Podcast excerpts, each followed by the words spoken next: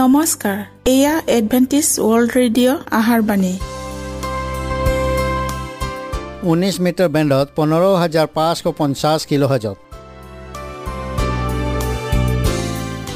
Adventist World radio যোগে অসমীয়া ভাষাত প্ৰচাৰিত আহাৰবাণী প্ৰত্যেক বুধবাৰ আৰু দেওবাৰ সন্ধিয়া সাত বজাত আহাৰবাণী শুনাৰ পিছত আপোনালোকৰ কিবা মন্তব্য আৰু প্ৰশ্ন থাকিলে আমালৈ এই ঠিকনাত লিখক। আমাৰ ঠিকনাটি হৈছে Adventist World Radio' seven day Adventist মণ্ডলী অসম শাখা লতাকাটা বশিষ্ট গুৱাহাটী সাত আঠ এক শূন্য দুই ন।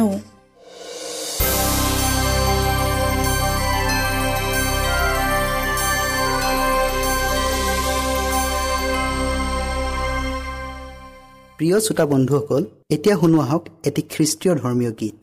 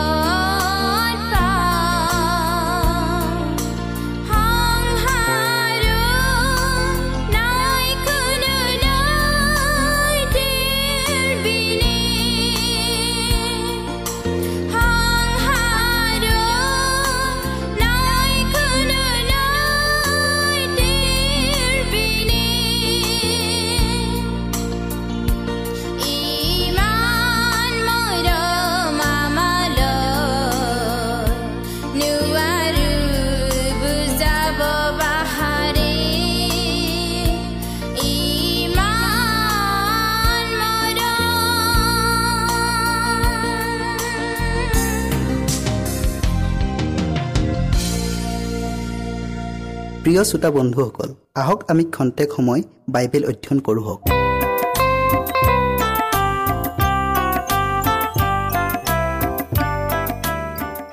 এতিয়া আমি প্ৰকাশিত বাক্যৰ পঞ্চম খণ্ড অধ্যয়ন কৰিম। এই সাত অধ্যায়ত আৰু চৈধ্য অধ্যায়ত ঈশ্বৰৰ চাপ পোৱা এক লাখ চৌৱাল্লিছ হাজাৰ লোক আগেয়ে কৈ অহাৰ দৰে আক্ষৰিক বা প্ৰকৃত সংখ্যা নহয়। এই সংখ্যাবোৰৰ জোহনে প্ৰতীকস্বৰূপে ব্যৱহাৰ কৰিছে। এতিয়া মোহৰ পোৱা লোকবিলাকৰ বিষয়ে চাওঁ হওক স্বৰ্গদূতে তেওঁবিলাকক মোহৰ মাৰিলে। তেওঁবিলাকৰ কপালত পিতৃৰ নাম। পৰিত্ৰাণ পোৱাবিলাকৰ প্ৰথম ফল। নিষ্কলংকিত অমৈথুন আৰু সূচী মহাক্লেশৰ সময়ত বাস কৰিছিল। মেৰ পোৱালীৰ অনুসৰণকাৰী। মেৰ পোৱালীৰ তেজেৰে নিজ নিজ বস্ত্ৰ ধুলে। নতুন গীত গাইছিল। সংকটৰ সময়ত হোৱা অভিজ্ঞতাৰ পৰা পোৱা এটা নতুন গীত তেওঁবিলাকে গাইছিল। জোহনে দৰ্শনত স্বৰ্গত আধা ঘণ্টামান কোনো শব্দ নুশুনিলে বুলি কৈছে। বাইবেলৰ গণনা মতে আধা ঘণ্টাই চাৰে সাত দিন হয়। উক্ত দুয়োটা অধ্যায়ত সাতটা তুৰি ধ্বনিৰ বিষয়ে প্ৰকাশ কৰিছে। গোটেই প্ৰকাশিত বাক্য পুস্তকখন চাৰিটা মূল বিষয়ৰ আলোচনাৰ ওপৰত ভিত্তি কৰে। এছিয়া মহাদেশৰ সাতটা মণ্ডলীয়ে খ্ৰীষ্টই মণ্ডলীৰ ৰক্ষক বুলি পৰিচয় কৰি দিয়ে। সাতোটা চাপ বা মোহৰে ভাওবাদীসকলক দেখুৱায়। সাতোটা তুৰিয়ে যুদ্ধ বিগ্ৰহক বুজায় আৰু সাতোটা উৎপাতে ন্যায় বিচাৰক বুজায়। ওপৰৰ চাৰিওটা বিষয়ে খ্ৰীষ্টীয়ৰ পুনৰাগমনৰ চূড়ান্ত ঘটনালৈ আঙুলিয়াই দেখুৱাই দিয়ে। ঠিক তেনেকৈ দানিয়েল ভাওবাদীৰ পুস্তকতো চাৰিটা মূল বিষয় পোৱা যায়। মিশ্ৰিত ধাতুৰ প্ৰকাণ্ড মূৰ্তি সমুদ্ৰৰ চাৰিটা অদ্ভুত প্ৰাণী সৰু শিংটোৰ শক্তি বিৰুদ্ধাচাৰী ৰজাবিলাক। এই আটাইবোৰে খ্ৰীষ্টীয়ৰ পুনৰাগমনৰ চূড়ান্ত ঘটনালৈ আঙুলিয়াই দেখুৱাই দিয়ে। এতিয়া সাতোটা তুৰি বাদ্য আৰু সাতোটা উৎপাত তুলনা কৰি চাওঁ হওক। মনত ৰাখোঁ হওক সাতোটা তুৰি বাদনে মানুহৰ প্ৰতি ঈশ্বৰৰ অনুগ্ৰহৰ কাল শেষ হোৱাৰ পূৰ্বে আৰু সাতোটা উৎপাত মানুহৰ প্ৰতি ঈশ্বৰৰ অনুগ্ৰহৰ কাল শেষ হোৱাৰ পাছত ঘটিব। উভয় সাতোটা তুৰিবাদন আৰু সাতোটা উৎপাত পৃথিৱীৰ ওপৰত সমুদ্ৰৰ ওপৰত নদী আৰু ভুমুকবোৰত সূৰ্যৰ ওপৰত অন্ধকাৰৰ ওপৰত ইউফ্ৰেটিছ নদীত পৰিব আৰু শেষ সতৰ্কবাণী প্ৰত্যেকজনলৈ দিয়া হ'ব। প্ৰকাশিত বাক্যত ন অধ্যায়টো এক বিশেষ সম্প্ৰদায়ৰ যুগ বুলি ক'ব পাৰি। তুৰ্কীবিলাকে পাঁচ মাহ অৰ্থাৎ বাইবেল গণনা অনুযায়ী ডেৰশ বছৰ অৰ্থাৎ বাৰশ নিৰান্নব্বৈ খ্ৰীষ্টাব্দৰ পৰা চৈধ্যশ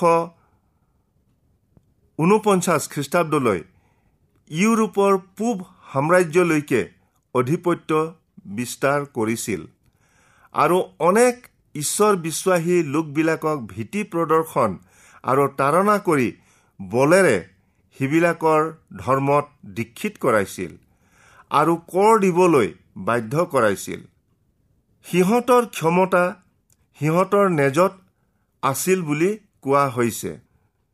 নেজৰ অৰ্থ মিছা শিক্ষা বুলি কোৱা হৈছে। ফৰাত নদীত বন্ধ হৈ থকা চাৰিজন দূতক মুকলি কৰি দিবলৈ ষষ্ঠ দূতক আজ্ঞা দিলে। সেই ফৰাত বা ইউফ্ৰেটিছ নদীক বাইবেলৰ ভাওবাণীত প্ৰতীক হিচাপে ছয়তানৰ দ্বাৰাই পৰিচালিত শত্ৰুৰ দেশ বুলি কোৱা হৈছে। ইউফ্ৰেটিছ নদীক বিধৰ্মীবিলাকৰ গৃহভূমি বুলিও কোৱা হৈছে। বাইবেল পণ্ডিতসকলে কয় যে এই চাৰিজন বন্দী দুটেই তুৰ্কীৰ এল্লেপো আইকনিয়াম ডমেচক আৰু বাগদাদ। ৰাজ্যৰ চাৰি চুলতান বা শাসনকৰ্তা। এই ৰাজ্য কেইখন ইউফ্ৰেটিছ নদীৰ আশে পাশে আছিল। সেইবিলাকক এক নিৰ্দিষ্ট সময়ৰ বাবে মুকলি কৰি দিয়া হৈছিল। চৰ পৰা চৈধ্যশ ঊনপঞ্চাছ খ্ৰীষ্টাব্দৰ সাতাইছ জুলাইৰ পৰা ওঠৰশ চল্লিছ খ্ৰীষ্টাব্দৰ এঘাৰ আগষ্টলৈ সেইবিলাকক বধ কৰাৰ ক্ষমতা দিছিল। প্ৰকাশিত বাক্য দহ অধ্যায়ৰ আঠৰ পৰা এঘাৰ পদলৈ এটি বিশেষ মন কৰিবলগীয়া কথা এই যে আজিৰ পৰা প্ৰায় ডেৰশ বছৰৰ আগেয়ে সেই সময়ৰ অনেক বিশ্বাসী খ্ৰীষ্টিয়ানে দানিয়েল ভাওবাদীৰ দুই হাজাৰ তিনিশ বছৰৰ গণনা মতে খ্ৰীষ্টীয়ৰ পুনৰাগমন ওঠৰশ চৌৰাল্লিছ খ্ৰীষ্টাব্দৰ বাইছ অক্টোবৰ তাৰিখে হ'ব বুলি বিশ্বাস কৰিছিল। কিন্তু উক্ত দিন আহিল আৰু গ'ল। আগমনৰ বিষয়ে প্ৰচাৰ কৰোঁতে মুখত মোৰ দৰেই সোৱাদযুক্ত যেন হৈছিল। কিন্তু উক্ত ঘটনা নফলিওৱা কাৰণে সেই বাক্যই পেটত তিতা লগা যেন অনুভৱ হ'ল। অৰ্থাৎ হতাশ নিৰাশ হ'ল। প্ৰকৃততে তেওঁবিলাকৰ গণনা শুদ্ধ নাছিল। কিয়নো জিৰচালেম মন্দিৰ সত্তৰ খ্ৰীষ্টাব্দত ৰোমিয়া সৈন্যই ধ্বংস কৰিছিল। সেয়ে দুই হাজাৰ তিনিশ বছৰৰ সময় ভাৱবাণীত স্বৰ্গীয় ধৰ্মধামৰ বিষয়েহে কোৱা হৈছিল। আন এটা মন কৰিবলগীয়া কথা এই যে শাস্ত্ৰত আৰু সময় ভাৱবাণীৰ উল্লেখ নাই। জোহনক মন্দিৰৰ যজ্ঞবেদী আৰু উপাসনা কৰা লোকবিলাকক জুখিবলৈ দিয়া হ'ল যদিও মন্দিৰৰ বাহিৰ চোতালখন জুখিবলৈ দিয়া নহ'ল। উপাসনা কৰাবিলাকক প্ৰকৃত মাপকাঠিৰে জুখিবলৈ কোৱা হোৱা নাই বৰং প্ৰতীক হিচাপে ব্যৱহাৰ কৰি আচাৰ ব্যৱহাৰ নীতি নিয়মৰ দ্বাৰাই পৰীক্ষা কৰিবলৈহে কোৱা হৈছে। ঈশ্বৰৰ লোকবিলাকক চাপ মৰাৰ পূৰ্বেই উপাসনা কৰাবিলাকৰ জোখ ল'বলৈ কোৱা হৈছে। এই জোখেই স্বৰ্গত তদন্তমূলক সুদবিচাৰক বুজায়। মন্দিৰৰ যি বাহিৰ চোতালখন জুখিবলৈ দিয়া নহ'ল সেই ঠাইডোখৰ পৰজাতিক দুকুৰি দুমাহলৈ প্ৰভাৱ বিস্তাৰৰ ক্ষমতা দিয়া হ'ল। অৰ্থাৎ পুপীয় শাসনৰ বিষয়ে কোৱা হৈছে। এই অধ্যায়ত তিনিটা বিশেষ সময়ৰ কথা উল্লেখ আছে।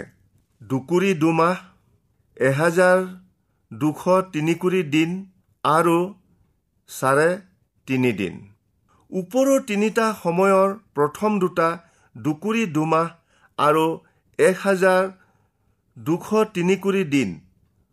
অৰ্থাৎ পাঁচশ আঠত্ৰিছ খ্ৰীষ্টাব্দৰ পৰা সোতৰশ আঠানব্বৈ খ্ৰীষ্টাব্দলৈ এক হাজাৰ দুশ ষাঠি বছৰ ৰোমান কেথলিক বা পুপীয় শাসনৰ কালচোৱাক বুজায়। এই সময়ছোৱাত ঈশ্বৰৰ পবিত্ৰ বাইবেল শাস্ত্ৰ দুজন সাক্ষী পুৰণি আৰু নতুন নিয়মৰ বাক্যলৈ একেবাৰে অগ্ৰাহ্য কৰি নিজৰ স্বাৰ্থজনিত প্ৰভাৱ বিস্তাৰ কৰিছিল।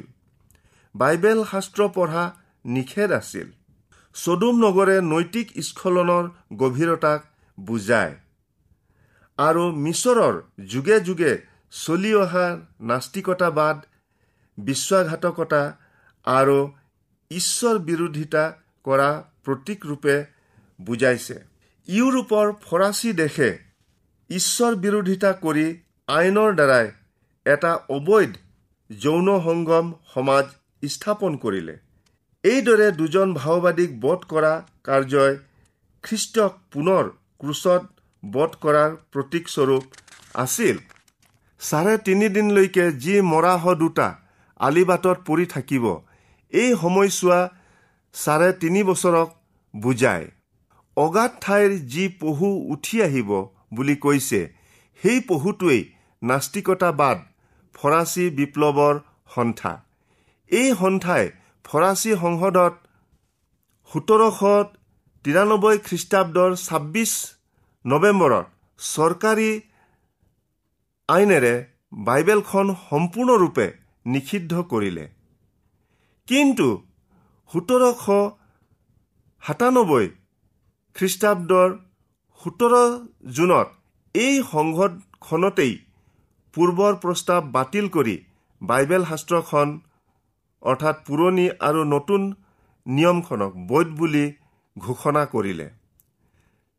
মানুহে ঈশ্বৰ ধৰ্ম আৰু বাইবেল শাস্ত্ৰ ধ্বংসৰ কৰাৰ অনেক দুৰ্ঘোৰ চেষ্টা চলাব পাৰে আৰু বৰ্তমানলৈ চলাইও আহিছে। কিন্তু শাস্ত্ৰত কোৱাৰ দৰে তোমাৰ বিৰুদ্ধে অৰ্থাৎ পবিত্ৰ শাস্ত্ৰৰ বিৰুদ্ধে গঢ়া কোনো অস্ত্ৰই সাৰ্থক নহ'ব বুলি কৈছে। জোহনে দৰ্শনত মূৰত সূৰ্য আৰু বাৰটা তৰা কিৰিটি পিন্ধা আৰু ভৰিত চন্দ্ৰ থকা এজনী তিৰোতা দেখিলে। এই তিৰোতাজনীয়ে ঈশ্বৰৰ পবিত্ৰ আৰু সতীমণ্ডলীক বুজায়।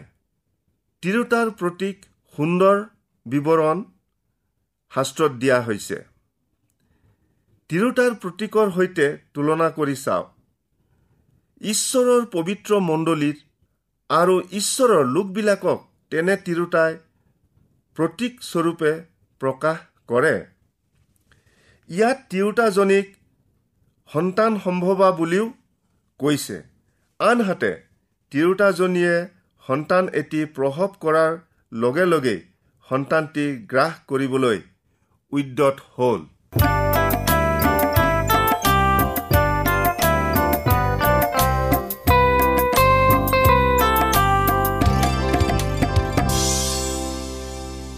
ইমানপৰে আমি বাইবেল অধ্যয়ন কৰিলোঁ। এতিয়া আকৌ শুনো আহক এটি খ্ৰীষ্টীয় ধৰ্মীয় গীত।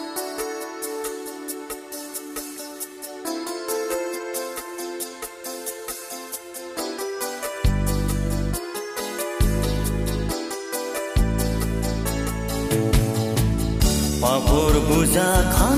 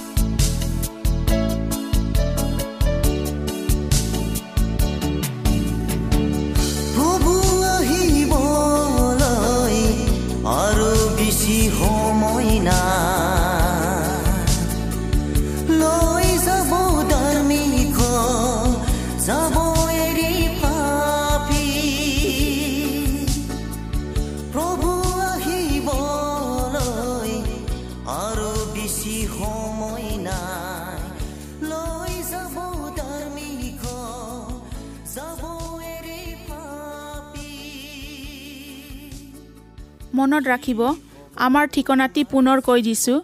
Adventist World Radio' Assam region of seven day Adventist voice of hope Latakata Basistha Guwahati seven eight one zero' two nine প্ৰিয় শ্ৰোতা বন্ধুসকল এডভেণ্টিজ ৱৰ্ল্ড ৰেডিঅ' যোগে আহাৰবাণী প্ৰচাৰত আপোনালোকক পুনৰ লগ পোৱাৰ আহাৰে আজিলৈ সামৰিলোঁ।